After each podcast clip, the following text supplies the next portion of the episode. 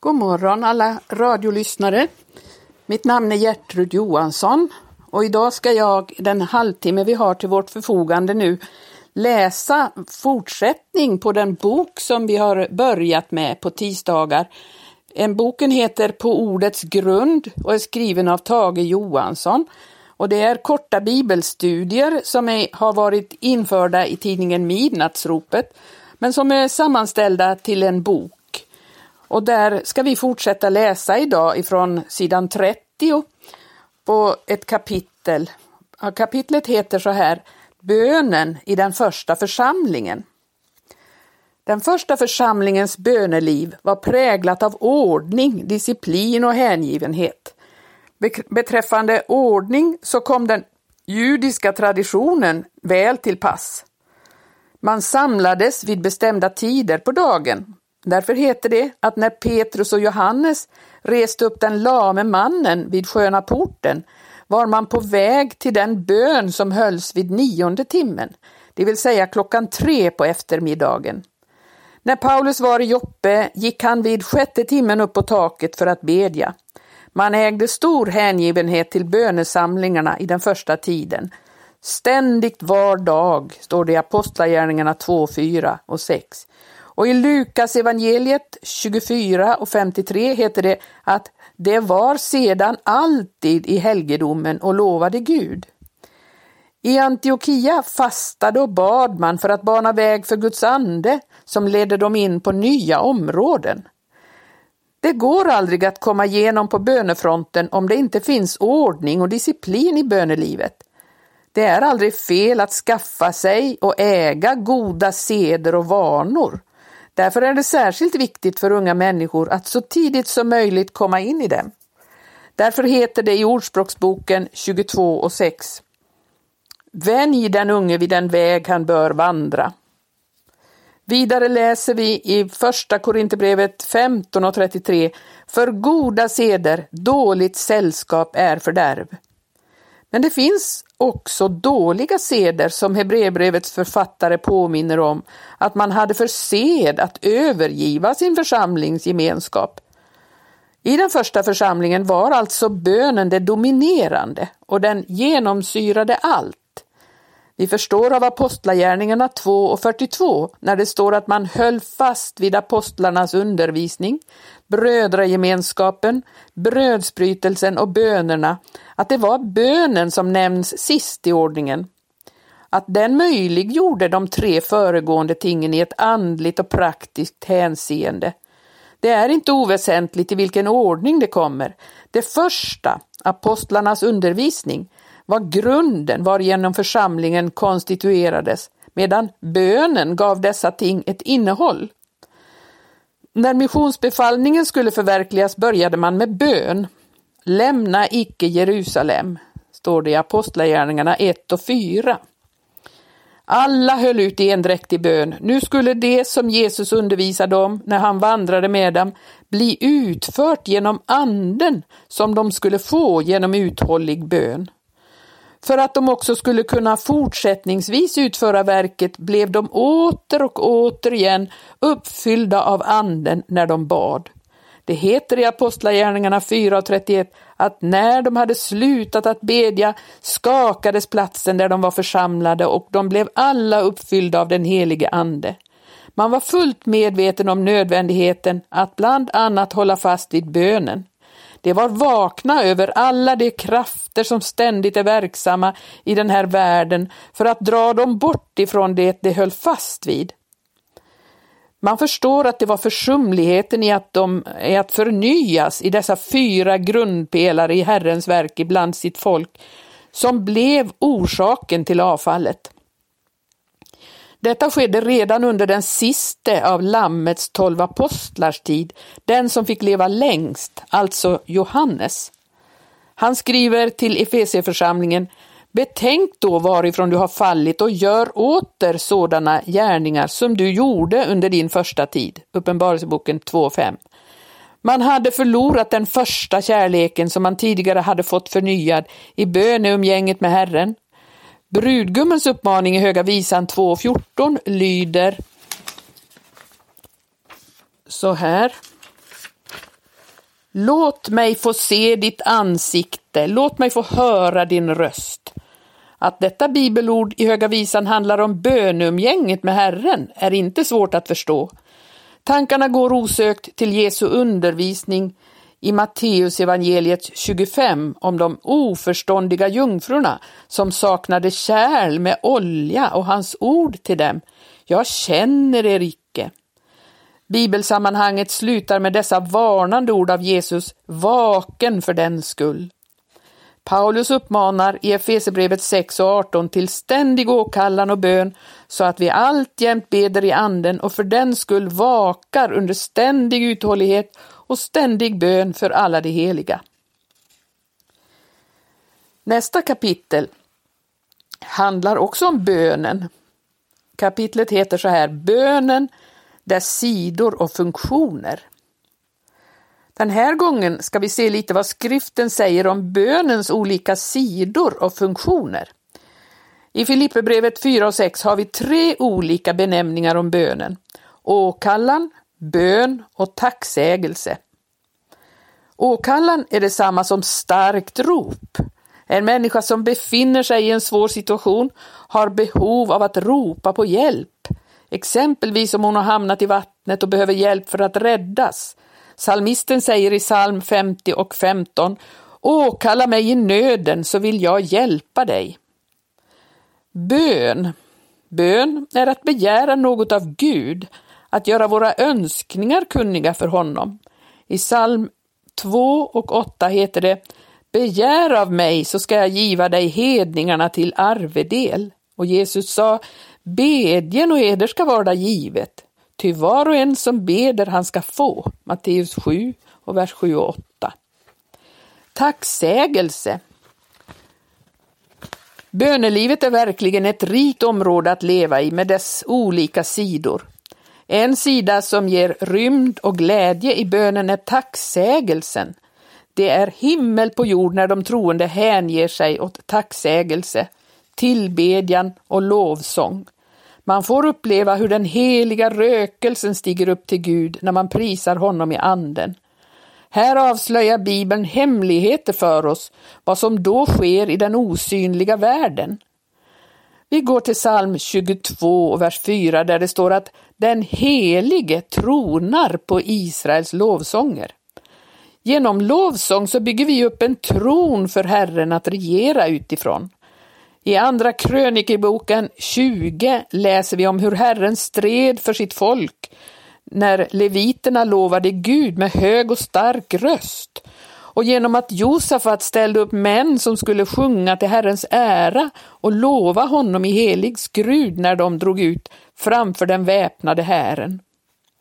Just som de begynte att sjunga och lova lät Herren ett angrepp ske bakifrån på Ammons och Moabs folk som kom emot Juda.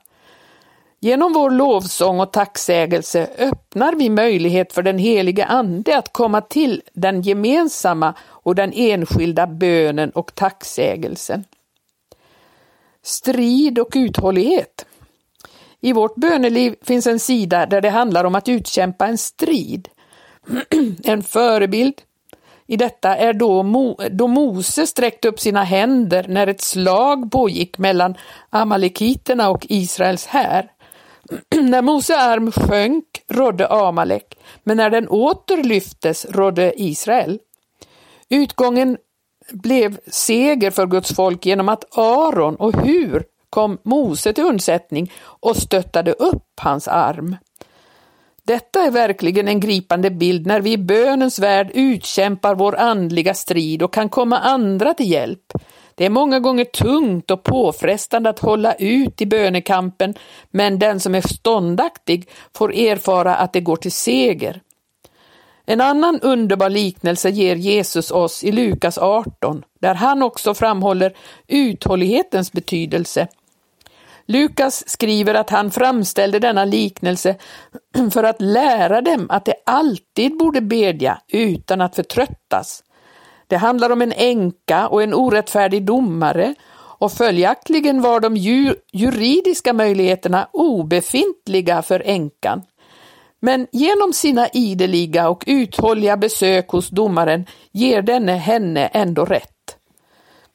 Det är hälsa för hela vår varelse som består av ande, själ och kropp att leva i tacksägelsen. Låt mig få citera vad som står i Ordspråksboken 17 och 22. Ett glatt hjärta är en god läkedom, men ett brutet mod tager märgen ur benen.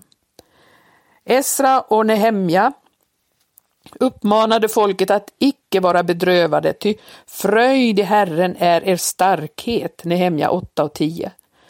Paulus skriver i Filipperbrevet 4 och 6 att vi inte ska bära på bekymmer utan överlämna allt åt Gud genom att kungöra alla våra önskningar för honom genom åkallan och bön med tacksägelse. Så viktigt att uppleva att Guds frid som övergår allt förstånd får bevara våra hjärtan och tankar i honom så att vi kan överflöda i tacksägelse enligt Kolosserbrevet 2.7. En annan sida av bönen finner vi i Andra Korinthierbrevet 1 och 11. I Korinthierförsamlingen gav man apostlarna sitt stöd genom sina förböner. Uttrycket säger oss att det handlar om att bedja för någon eller någon bestämd sak. I Apostlagärningarna 12 och 15 uppmanade Paulus att man skulle bedja för honom. I Romarbrevet 15 och 30 och Kolosserbrevet 4 och 1 påminner han också om att han själv bad för vissa bestämda ting. Kolosserbrevet 1 och 9 och Efesierbrevet 1 och 17. Bönens funktion i församlingen. Någon har sagt att man ska, kan ta den andliga temperaturen i en församling. Då kan man gå till församlingens bönemöten. Är bönelivet starkt så finns det kraft att föda. Det heter ju i Andra Konungaboken 19 och 3, när Guds folk befann sig i en svår situation, men kraft att föda finns icke. Den gemensamma bönen hade en avgörande betydelse under församlingens första tid. Det var vägen in i ett andefyllt liv. Alla höll endräktigt ut i bön, Apostlagärningarna 1 och 14. På så sätt beredde man sig på pingstupplevelsen och när pingstdagen var inne var de alla församlade med varandra, Apostlagärningarna 2 och 1. Här finns en stor hemlighet. När alla har samma inriktning och tänkesätt bereder man möjlighet för anden att uppfylla församlingen som är Kristi kropp i tiden. I böneatmosfären blir man sammansmält till ett hjärta och en själ, detta var ett verk av den helige Ande. Jesus vill genom Anden ha församlingen som sitt instrument. Grundtexten säger att församlingen var i ett ackord. Initiativet och förutsättningen finns hos den bedjande skaran. Jag avslutar med att citera psalm 133. Se hur gott och ljuvligt det är att bröder bo endräktigt tillsammans. Det är likt den dyrbara oljan på huvudet som flyter ner i skägget, ner i Arons skägg, som flyter ner över linningen på hans kläder. Det är likt Hermons dagg som faller ner i Sionsbergen. Ty där beskär Herren välsignelser, liv till evig tid. Nästa kapitel heter Guds kärlek. Kärleken från Gud är inte en produkt av honom. Nej, Gud är kärlek. Kärleken är det största. Men det är mycket viktigt att inte ställa kärleken ensam. Att er kärlek må allt mer och mer överflöda av kunskap och förstånd i allt, står det i Filipperbrevet 1 och 9. Guds kärlek har kommit ner till människan och blivit tillgänglig för henne genom att han sände sin son. Därigenom har Guds kärlek blivit uppenbarad ibland oss, att Gud har sänt sin enfödde son i världen för att vi skola leva genom honom. Första Johannes brev 4 och 9. Gud kunde inte handla på annat sätt eftersom han älskade världen så högt Kärleken uppenbarades i handling. Jesus drevs av denna kärlek när han av fri vilja kom för att bli vårt försoningsoffer. Han vann en rättfärdighet åt oss som vi får ta emot när vi blir födda på nytt. Detta är så stort att vi genom detta kan älska Gud tillbaka. Människan har ett hjärta. Det är mer än bara en muskel som pumpar. Det är ett uttryck för det centrala i människans väsen. Från hjärtat utgår livet. Där börjar frälsningen. Andligt talat så tar Gud ut stenhjärtat och sätter in ett hjärta av kött. När vi upplever och tar emot Guds kärlek kan vi ge ett gensvar och börja älska honom enligt hans bud. Du ska älska Herren din Gud av allt ditt hjärta, av all din själ och allt ditt förstånd. Kärleken till honom visar sig i handling även från vår sida. Ty därigenom, däri består kärleken till Gud att vi håller hans bud, och hans bud är inte tunga. Första Johannes brev 5 och 3. När vi blivit födda på nytt visar oss Gud på vägen hur vi ska kunna utöva Guds kärlek. Det är inte ett tungt trälarbete utan handlar om en fri vilja och har hans kärlek som drivkraft. Hur detta utvecklas beror helt på oss själva och vad vi upplåter vårt hjärta till. Man kan hysa kärlek till många ting. Den rike ynglingen hade kärlek till sina ägodelar. Demas hade kärlek till denna tidsålders väsende. Det finns sådana som älskar vällust mer än Gud eller är penningkära. Frågan om hur det ska utvecklas hos oss handlar helt och hållet om en enda sak. Har Gud fått hela ditt hjärta? Det är den viktiga punkten. Gud vill ha hela ditt hjärta, inte bara 50 procent eller 70 procent. Detta är hemligheten till att människor har satt djupa spår i tiden. Vi kan till exempel nämna om William Booth som genom sin helöverlåtelse till Gud blev redskapet till att hela London lyftes upp från elände och förfall och skaror blev frälsta och förvandlade. Vi kan se på Paulus liv som i människors ögon var dåraktigt och misslyckat. Han beskriver i Andra Korinthierbrevet 11 och 26 hur han hade det, hur han utstod faror av många slag och var överlupen av hårt arbete, men han ser det som helt av Guds nåd att få leva så för Gud. Allt förmår jag genom honom som giver mig kraft. Dessa människor gav Gud allt. Vill vi ge honom allt? Gud kräver inte att vi ska göra något utan honom. Vi kan göra allt, till och med offra vår kropp, men utan Guds kärlek är det av intet värde. Vi sjunger i en sång men utan denna kärlek är min gärning kall och död. Men genom att ge Gud hela vårt hjärta kan vi börja uttrycka Guds kärlek. Den heliga Ande håller kärleken vid liv. Guds kärlek är utgjuten i våra hjärtan genom den helige Ande, Romarbrevet 5 och 5. Detta behöver ständigt underhållas och förnyas. Vi behöver ständigt möta Jesus så att han framstår levande för oss, så att vi inte förlorar den första kärleken som Efesieförsamlingen hade gjort. I Höga visan 1 och 3 och 2 och 4 kan vi läsa om hur bruden får uppleva sin brudgum. Hon känner oerhörd hänförelse så som vi kan göra när vi möter Jesus. Vi kan också se i Höga visan hur denna kärleksrelation utsätts för prövningar. Ibland kommer bruden på avstånd från sin brudgum, ibland är gemenskapen bruten, men sen upprättas den igen och mot slutet av Höga visan ser man hur relationen alltmer stabiliseras. Gemenskapen dem emellan blir obruten. Jag är min väns och min vän är min, Höga visan 5 och 2. Kärleken är en oerhörd kraft. I Korinthierbrevet 1 och Korinthierbrevet 13 kan vi läsa att kärleken fördrar allting, den tror allting, den hoppas allting, den uthärdar allting.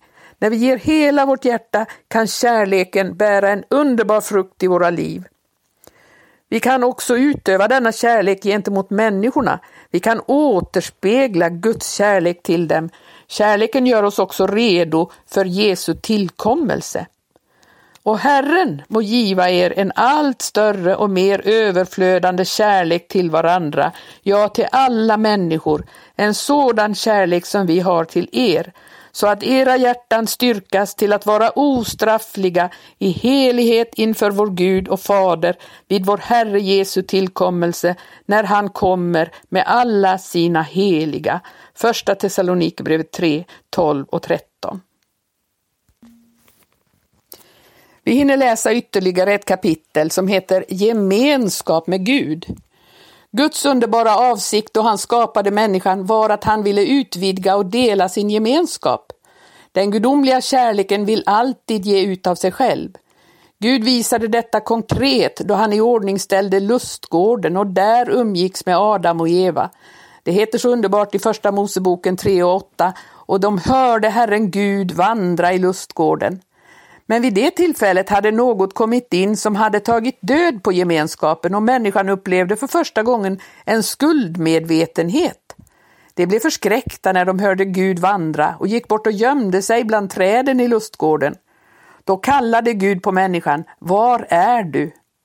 Här möter vi för första gången Guds evangelium, det glada budskapet som kallar på människan att komma tillbaka till Guds gemenskapen, Upplevelsen av den sanna och verkliga gudsgemenskapen har ett villkor som måste uppfyllas från vår sida. Gud måste få äga oss helt. Om Gud äger oss helt kommer vi att kunna ha vårt umgänge med honom på livets alla områden.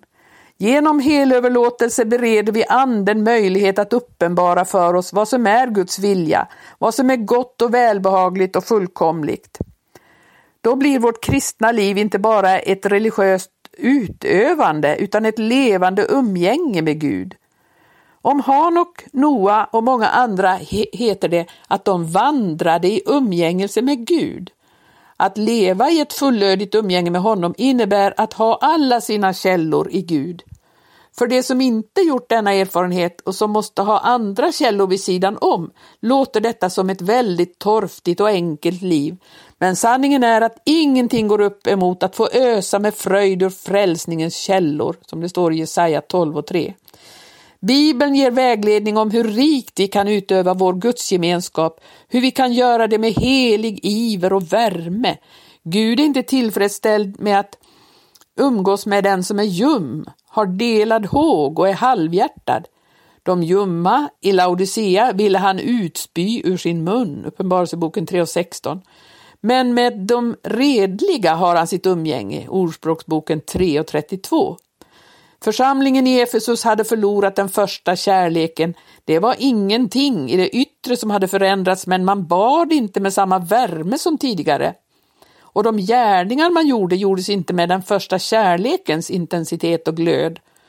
Så som fadern i liknelsen gick ner för att speja över fälten efter den förlorade sonen som han i djupet av sitt hjärta väntade hem, så längtar Gud efter att vi ska umgås och lära känna honom mer och mer. Detta var Paulus livspassion. Jag vill lära känna honom i Filipperbrevet 3 och 10. I Hosea 6 och 3 uppmanas Guds folk så låt oss lära känna Herren, ja låt oss fara efter att lära känna Herren. För den andligt levande människan uppenbarar sig Gud levande i ordet. Vi umgås med honom i Guds ord. Därför blir det ett naturligt behov att varje dag läsa och därigenom delaktiggöras eller sammansmältas med ordet. Jesus sa att människan ska leva av vart ord som utgår från Guds mun och till Maria som satte sig ner för att lyssna till Jesus menade han att det hon gjorde var detsamma som att utvälja den goda delen. Att umgås med ordet är att umgås med Gud. Han som är ordet. Ett annat område är bönen. Bönens främsta och största ändamål är att upprätthålla och leva i ett kontinuerligt gemenskapsförhållande med Gud. Jesus själv är vårt stora föredöme. Han umgicks med sin fader i himmelen. Brudgummens längtan och uppmaning till bruden i Höga visan 2.14 är Låt mig få se ditt ansikte, låt mig få höra din röst.